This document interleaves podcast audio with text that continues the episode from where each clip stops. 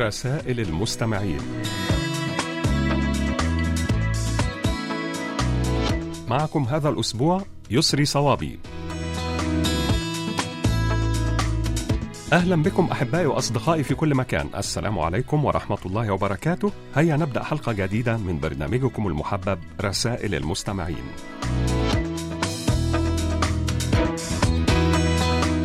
وفي البداية نشكركم أيها الأصدقاء الأعزاء على تعليقاتكم حول الموضوع الذي طرحناه الأسبوع الماضي وهو ما هو معنى النجاح في الحياة من وجهة نظركم؟ وسوف نستعرض خلال هذه الحلقة بعض الردود التي جاءت إلينا على صفحتنا على فيسبوك.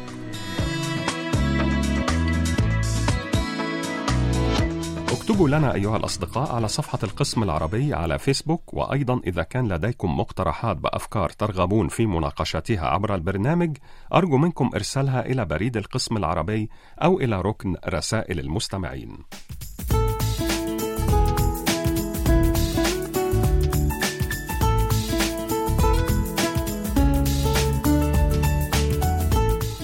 ونبدأ مع صديقتنا المخلصة رسل عبد الوهاب من محافظة ديالى بالجمهورية العراقية وتقول كن خفيف الحضور جميل العشرة رقيق الكلام طيب القلب. كن مميزا اجعل كل من يعرفك ينتظر لقاءك ويستمتع ببقائك وينتفع بحديثك. وإذا رحلت تركت بصمة في القلوب ولهفة لموعدك القادم. فلا تكن ثقيلا فيستغنى عنك ولا خفيفا فيستهان بك. ارتقي بحوارك ولا تجعل حياة الناس موضعا لحديثك. فالرقي في الأفكار وليس الأحداث. ابتسم وكن بشوش الوجه ولا تكن عبوسا وانشر التفاؤل والإيجابية ولا تكن محبطا فالجميع مثقل بأعباء الحياة.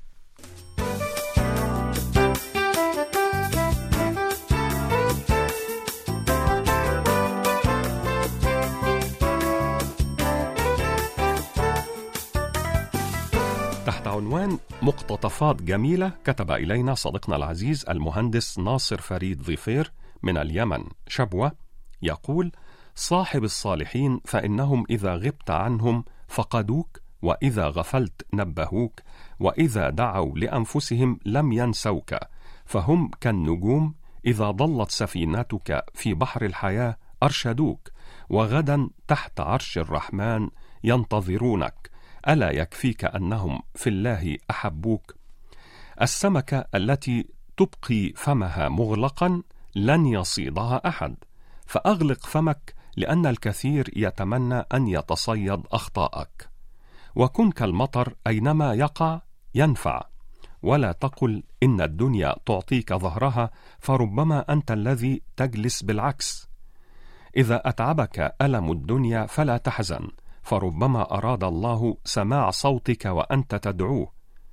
لا تنتظر السعادة حتى تبتسم ولكن ابتسم حتى تكون سعيدا.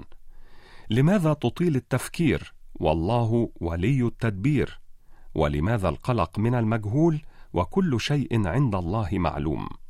لذلك اطمئن فأنت في عين الله الحفيظ وقل بقلبك قبل لسانك فوضت أمري إلى الله.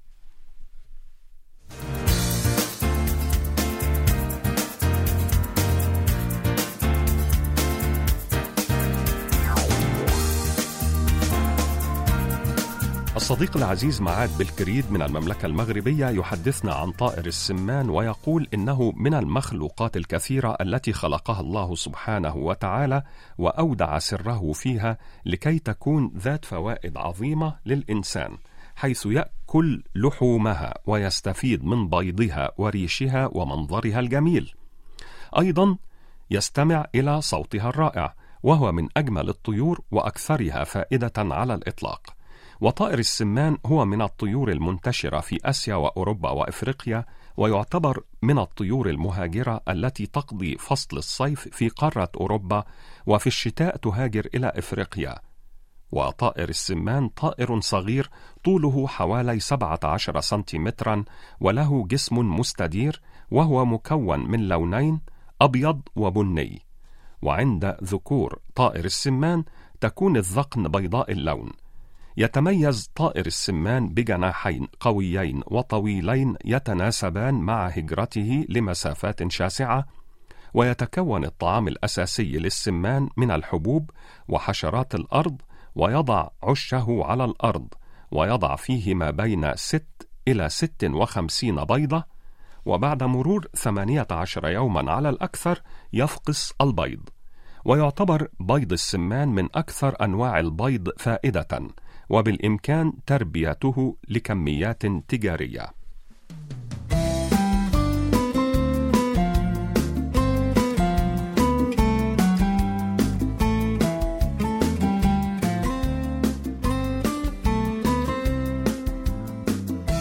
خمسة أسباب لتأكل تفاحة يوميا هكذا يقول صديقنا العزيز الخل الوفي إدريس بودينا المواطن المغربي المقيم في مدينة بيتسبرغ في الولايات المتحدة الأمريكية ويوضح قائلا من أجل غذاء صحي أولا التفاح سهل الأكل ولذيذ ويمدك بالطاقة من غير أن يحتوي على أي دهون ثانيا لقلبك لأن الأبحاث تؤكد أن التفاح يحتوي على مواد تحارب الآثار السيئة للكوليسترول الذي يتجمع في شرايين الجسم. ثالثا التفاح مفيد لمعدتك لأنه يحتوي على خمسة ألياف ضرورية لتنظيف الجهاز الهضمي. رابعا للرئتين حيث إن أكل تفاحة يوميا يقوي عمل الرئتين ويقلل من احتمالات الإصابة بسرطان الرئة. خامسا التفاح مفيد أيضا للعظام حيث يحتوي التفاح على مادة البورون التي تقوي العظام وتقلل من احتمالات الإصابة بهشاشة العظام.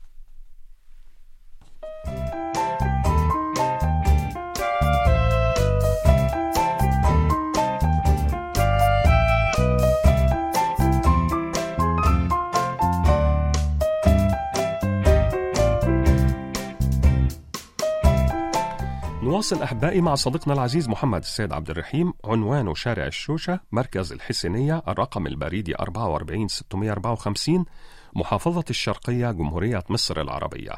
وعن الأم يحدثنا صديقنا العزيز محمد السيد عبد الرحيم ويقول الأم هي أول وطن لكل إنسان بل هي أقدس الأوطان. ففيها الزمان والمكان الذي تنفخ فيه الروح. وهكذا رفع قدرها الرحمن وجعلها أعظم هدية للإنسان لتجسد أسمى صور الرحمة على مر العصور والأزمان. وقد أطلق القرآن كلمة الأم على الأصل الطيب والمقدس لكل شيء عظيم وجعل للأم مكانة لم يجعلها لغيرها. كما أن العلم والدراسات والأبحاث تثبت لنا بما لا يقبل الشك أن الأم هي أهم مدرسة في صناعة الأجيال. وهنا نفهم قول الشاعر حافظ إبراهيم الأم مدرسة إذا أعددتها أعددت شعبا طيب الأعراق الأم روض إن تعهده الحيا بالري أورق ايما إيراق الأم أستاذ الأساتذة الأولى شغلت مآثرهم مدى الآفاق. كما يمكن فهم قول القائد الفرنسي نابليون بونابرت أعطني اما طيبة أعطيك أمة عظيمة.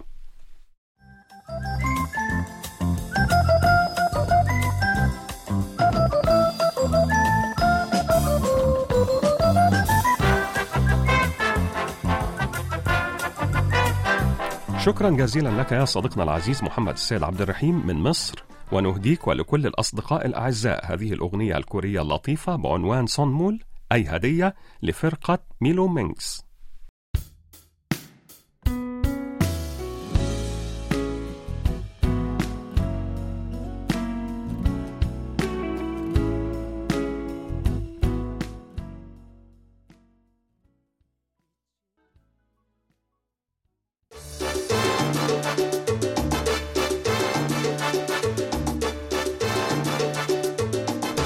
الآن إليكم أحبائي وأصدقائي بعض الردود السريعة عن رسائلكم. أحبائي وأصدقائي أدعوكم جميعا لإرسال تسجيلاتكم الصوتية التي تحتوي على مساهمات أو كلمات كتبتموها بأنفسكم أو مقترحات أو أفكار تريدون توصيلها عبر البرنامج.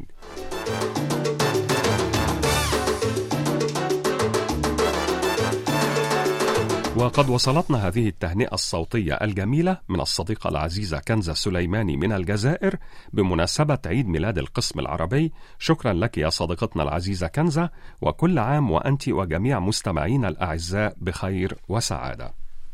السلام عليكم ورحمة الله وبركاته. معكم صديقتكم المحبة كنزة سليماني من الجزائر. اليوم يطفئ القسم العربي شمعته السابعة والأربعين. وبهذه المناسبة العزيزة أود أن أتقدم بأحر التهاني والأماني للقسم العربي على العمل المتميز والمتألق الذي يقدمه دائما وعلى البرامج الرائعة التي تجمع كل المستمعين على أثير واحد. عيد ميلاد سعيد وكل عام وقسمنا العربي متألق بكل مذيعيه وطاقمه الرائعين دمتم في رعاية الله وحفظه. إلى اللقاء.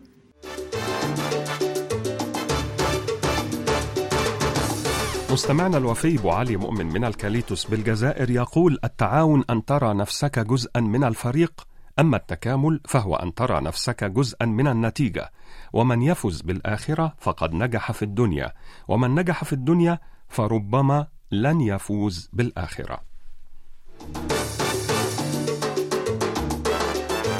الصديق عبد الله بوي من السنغال تحت عنوان هل تعلم؟ كتب يقول هل تعلم أن عملية اتباع نمط حياة صحي تعد أفضل طريقة لخسارة الوزن وتحسين صحة الجسم وأن نظرية الانفجار الكبير تنص على أن الكون بدأ منذ مليارات السنين بانفجار كبير جدا أخيرا هل تعلم أن درجة حرارة تجمد الماء هي 32 درجة فهرنهايت؟ وشكرا جزيلا للصديقة المخلصة والراصدة الرسمية أوج شيماء من العاصمة العراقية بغداد على هذه الكلمات الجميلة. المنطق أن تعامله كما يعاملك. الذوق أن تعامله بما يحب. أما الحب فهو أن تعامله كما تحب أن يعاملك.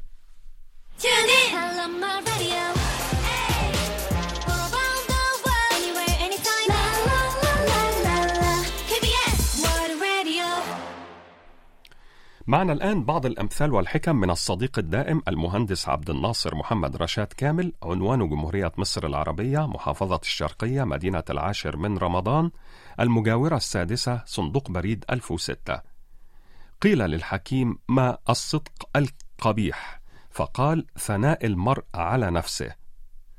دع الأيام تفعل ما تشاء وطب نفسا بما حكم القضاء.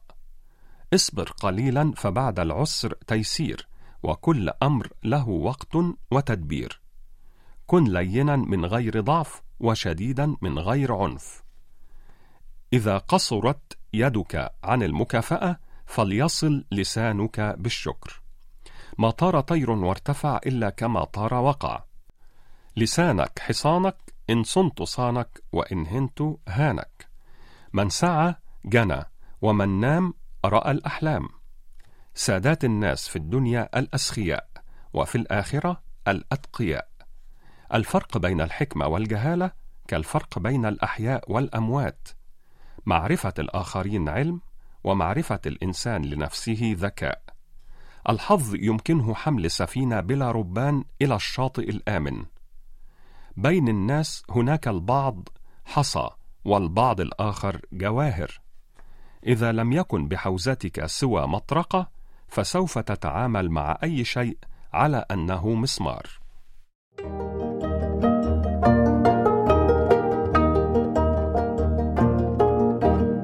قضية الأسبوع وموضوعنا هذا الأسبوع هو معنى النجاح في الحياة. زهرة الجبل تقول النجاح جميل جدا خصوصا بعد تعب وجهد وهو لا يأتي دفعة واحدة. وعندما تنجح في الوصول إلى الهدف تحصد ثمار ما زرعت من تعب وسهر. والثمار هي أن تكون شخصا يحبك الناس ويثقون بك. أيضا يجب دائما زيادة المعرفة في كل المجالات لكي تكون أكثر وعيا. قاسم عبد القادر يقول معنى النجاح بالنسبة لي هو القناعة. فإذا لم تقتنع فلن يكفيك شيء في الدنيا. فالقناعة كنز لا يفنى وهي المعنى الحقيقي للنجاح فبدون القناعة الإنسان لن يكتفي ودائما سيقول هل من مزيد. وكما يقول الشاعر إذا قنعت فكل شيء كاف. فالكنز الحقيقي للنجاح في هذه الدنيا حسب صديقنا قاسم عبد القادر هو القناعة وبدونها لن تسعك الدنيا بأكملها لا المناصب ولا النجاحات ولا كسب الأموال. نورا تقول معنى النجاح في الحياة هو رضا النفس وإذا كانت النفس غير راضية فسوف يرى الإنسان نفسه فاشلا. أخيرا إكرام تقول النجاح هو الوصول إلى الذات.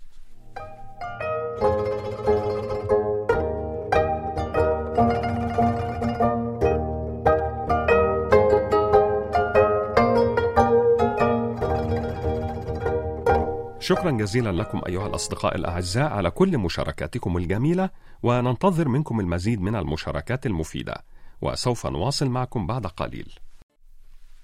إذا نواصل أحبائي مع صديقنا العزيز عمر حربيت العوني من تونس ويحدثنا عن جبر الخواطر ويقول جبر الخواطر هي تلك الكلمة الحلوة والابتسامة الصافية والضحكة التي تنبع من القلب تلك الهدية البسيطة التي لا تنسى جبر الخواطر من أجمل الأشياء التي يمكن أن تقوم بها وهو يعني تخفيف من كرب أو هم لدى شخص آخر بكلمات طيبة تخفف من وقع ما حدث له أو يشعر به. ومن القصص الجميلة عن جبر الخواطر أن امرأة مرت من جانب طفل حزين ومكسور الخاطر وبيده عود يرسم به على الأرض فشفق قلبها عليه وسألته ماذا تفعل يا صغيري هنا؟ فقال أرسم الجنة وأقسمها إلى أجزاء. فابتسمت وقالت له هل يمكن أن آخذ قطعة منها وكم ثمنها؟ فنظر إليها وقال نعم أحتاج فقط عشرين درهما. فأعطت المرأة للطفل العشرين درهما وبعض الحلوى وذهبت وفي ليلتها رأت في المنام أنها في الجنة. في الصباح قصت الرؤيا على زوجها وما جرى معها مع الطفل الحزين فقام الزوج وذهب إلى الطفل ليشتري أيضا قطعة من الجنة. وبعد أن سأله قال له أريد أن أشتري قطعة من الجنة كم ثمنها؟ فقال الطفل لا أبيع. فقال الرجل بالأمس بعت قطعة لزوجتي بعشرين درهما. قال الطفل إن زوجتك لم تكن تطلب الجنة بالعشرين درهما بل كانت تكبر بخاطري. أما أنت فتطلب الجنة فحسب. والجنة ليس لها ثمن محدد لأن دخولها يمر من جبر الخواطر.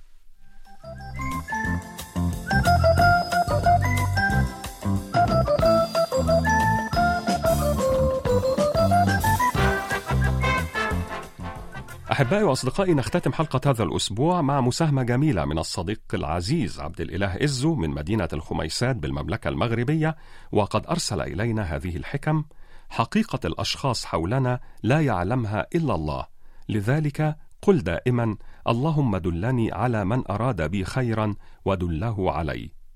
إذا أحسنت لمن أحسن إليك فأنت البر الوفي، وإذا أحسنت لمن لم يحسن إليك فأنت الكريم الخفي. وإذا أحسنت لمن أساء إليك فأنت المؤمن الصفي. عند اكتمال القمر يفتح المحار صدفته وعندها يسارع حيوان السرطان ويضع حجرا ليمنعها من الانغلاق ثانية ويصبح المحار وجبة له. وذلك هو مصير كل من يفتح فمه أكثر من اللازم. التلذذ بالعطاء وقضاء حوائج الناس لا يعرفه سوى أصحاب الأخلاق الكريمة. عندما تتذوق الصعوبات في حياتك يصبح عقلك أكبر من عمرك بكثير. فكل أذى هو مستوى جديد من النضج ومن لا يتألم لا يتعلم. أخيرا ليس كل ما نفقده خسارة فالاستغناء عمن لا يدرك قيمتنا حياة جديدة.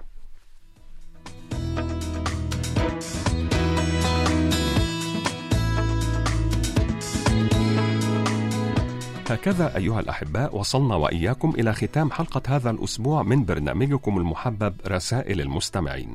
نعدكم أيها الأصدقاء الأعزاء بأن نلتقي بكم في مثل هذا الموعد من الأسبوع القادم إن شاء الله. وحتى ذلك الحين إليكم تحيات مخرجة البرنامج قمر كيم يونغ وهذه تحياتي يسري صوابي